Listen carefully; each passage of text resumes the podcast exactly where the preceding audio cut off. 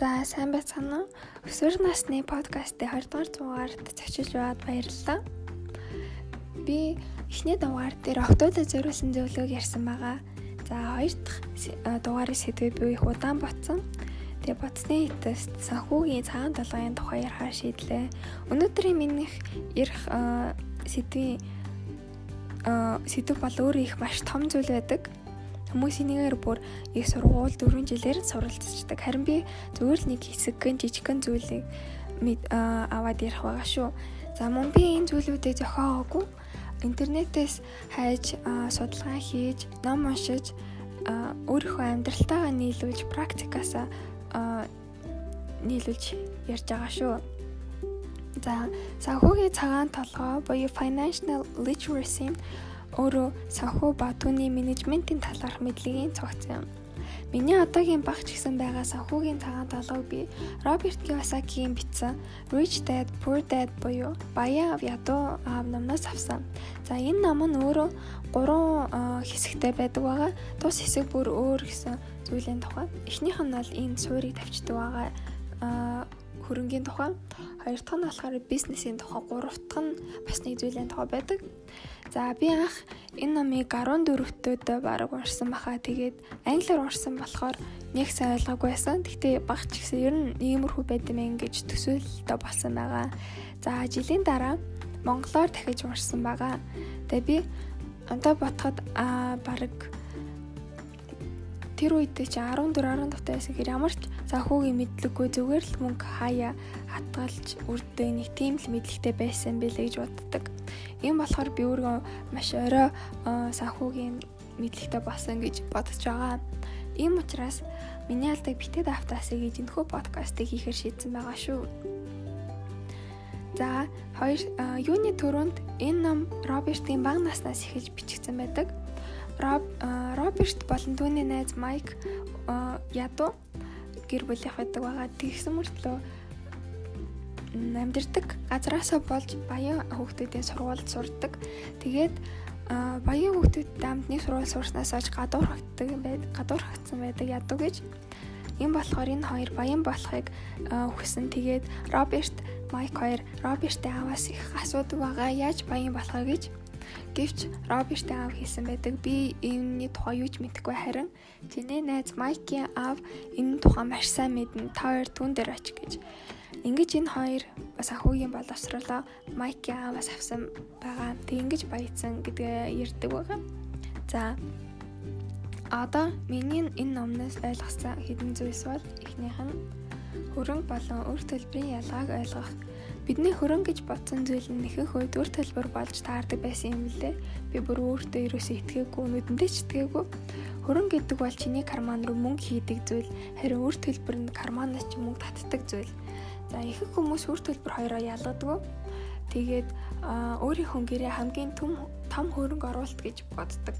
Яг үүндээ хамгийн том хөрөнгө болж таардаг ихэнх үед За жишээлбэл байр авахын тулд ихэнх хүмүүс зээл авч сар болгон хүүтэй зээлээд үлдэг. За үүн дээр нэмээд усны тогны мөнгө гэх мэтчлэн байр байртай холбоотой ихэнх мөнгө таны карманаас гардаг. Энэ бол үр төлбөр болж таарж байгаа юм. Гэтэ үр төлбөрийг бас орлого болгож болдог юм бэлээ. За тэр нь яаж вэ гэхээр жишээлбэл байраа түрээсэлж энийгээрээ хөрөнгө гаргах, хөрөнгө олох. За Үүнтэй адил бас машин юм байдаг юм байлээ шүү. За миний бас өөрний мэдээсээ зүйл гэвэл орлого нь гурван төрлийнх байдаг. Эхнийх нь бол ажил хийж мөнгө олох, хоёр дахь нь гэл үйл хөдлөх хөрөнгөөр мөнгө олох, аль эсвэл юм зарах.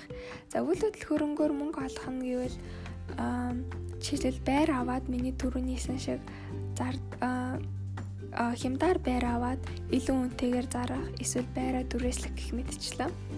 За гурав дахь нь гэвэл passive буюу таныг ажиллаагүй ч юм уу удаж байхад ч мөнгө оруулж ирдэг ажил эсвэл нэг тийм зүйл байдаг байгаа. Энэ нас үйл үед их алдартай болоод байгаа гэх юм уу? Их хүмүүс энийг сонирхож байгаа. За та бас сонирхоод үзээрэй.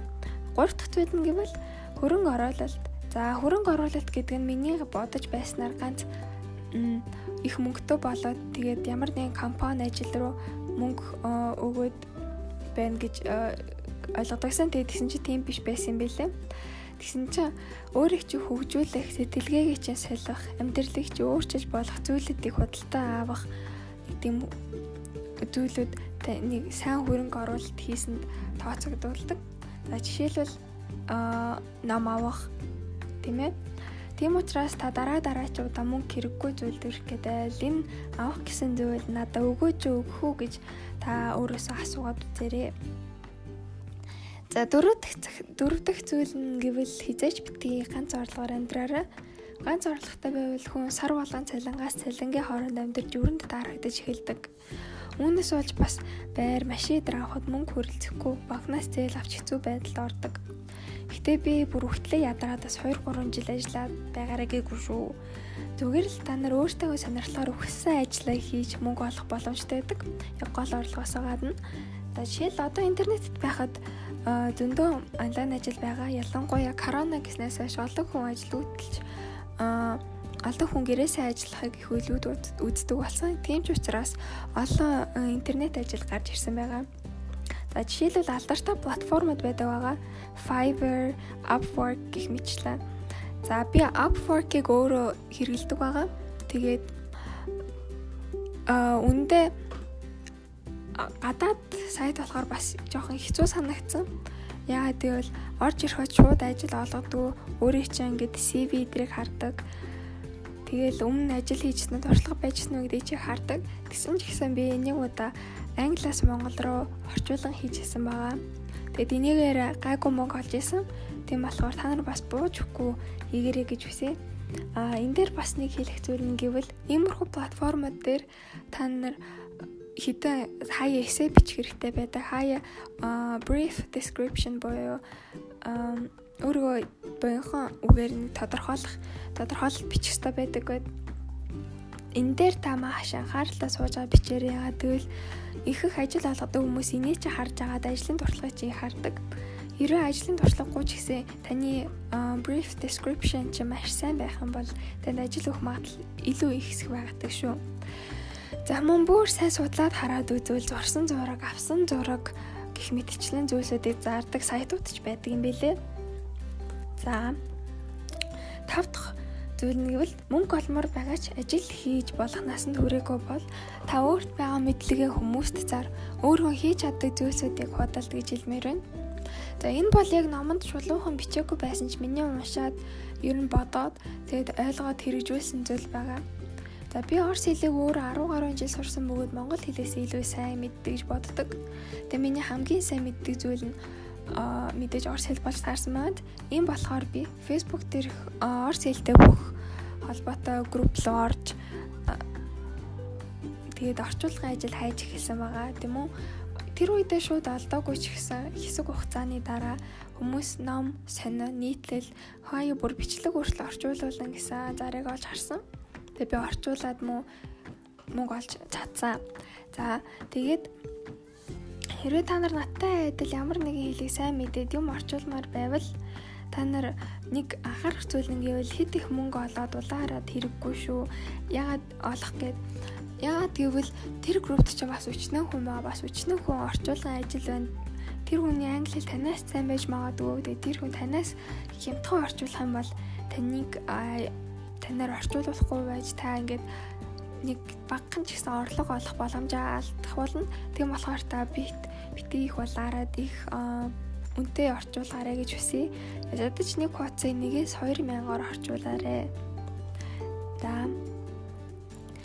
ингээд өнөөдөртөө дуусгая. Тэгээд миний одоохондоо ингээ санал болгомоор байгаа санхүүгийн 3 ном нэвэл эхнийх нь Яалтчгүй Rich Dad Poor Dad by Robert Kiyosaki-гийн ном. Хоёр дахь нь How to Think and Grow Rich Napoleon Hill. Энэ хоёр бол бүр бестселлерად байгаа бүх үеийн. За гурав дахь ном нь гэвэл Why didn't they teach me this in school? 99 personal money management principles to live by Carrie Siegel гэж хүний бичсэн ном байгаа. За би энэ гурван номыг description дээр бичээд орхичээ. Тэгээд сонсож суусан баярлаа. Баяртай.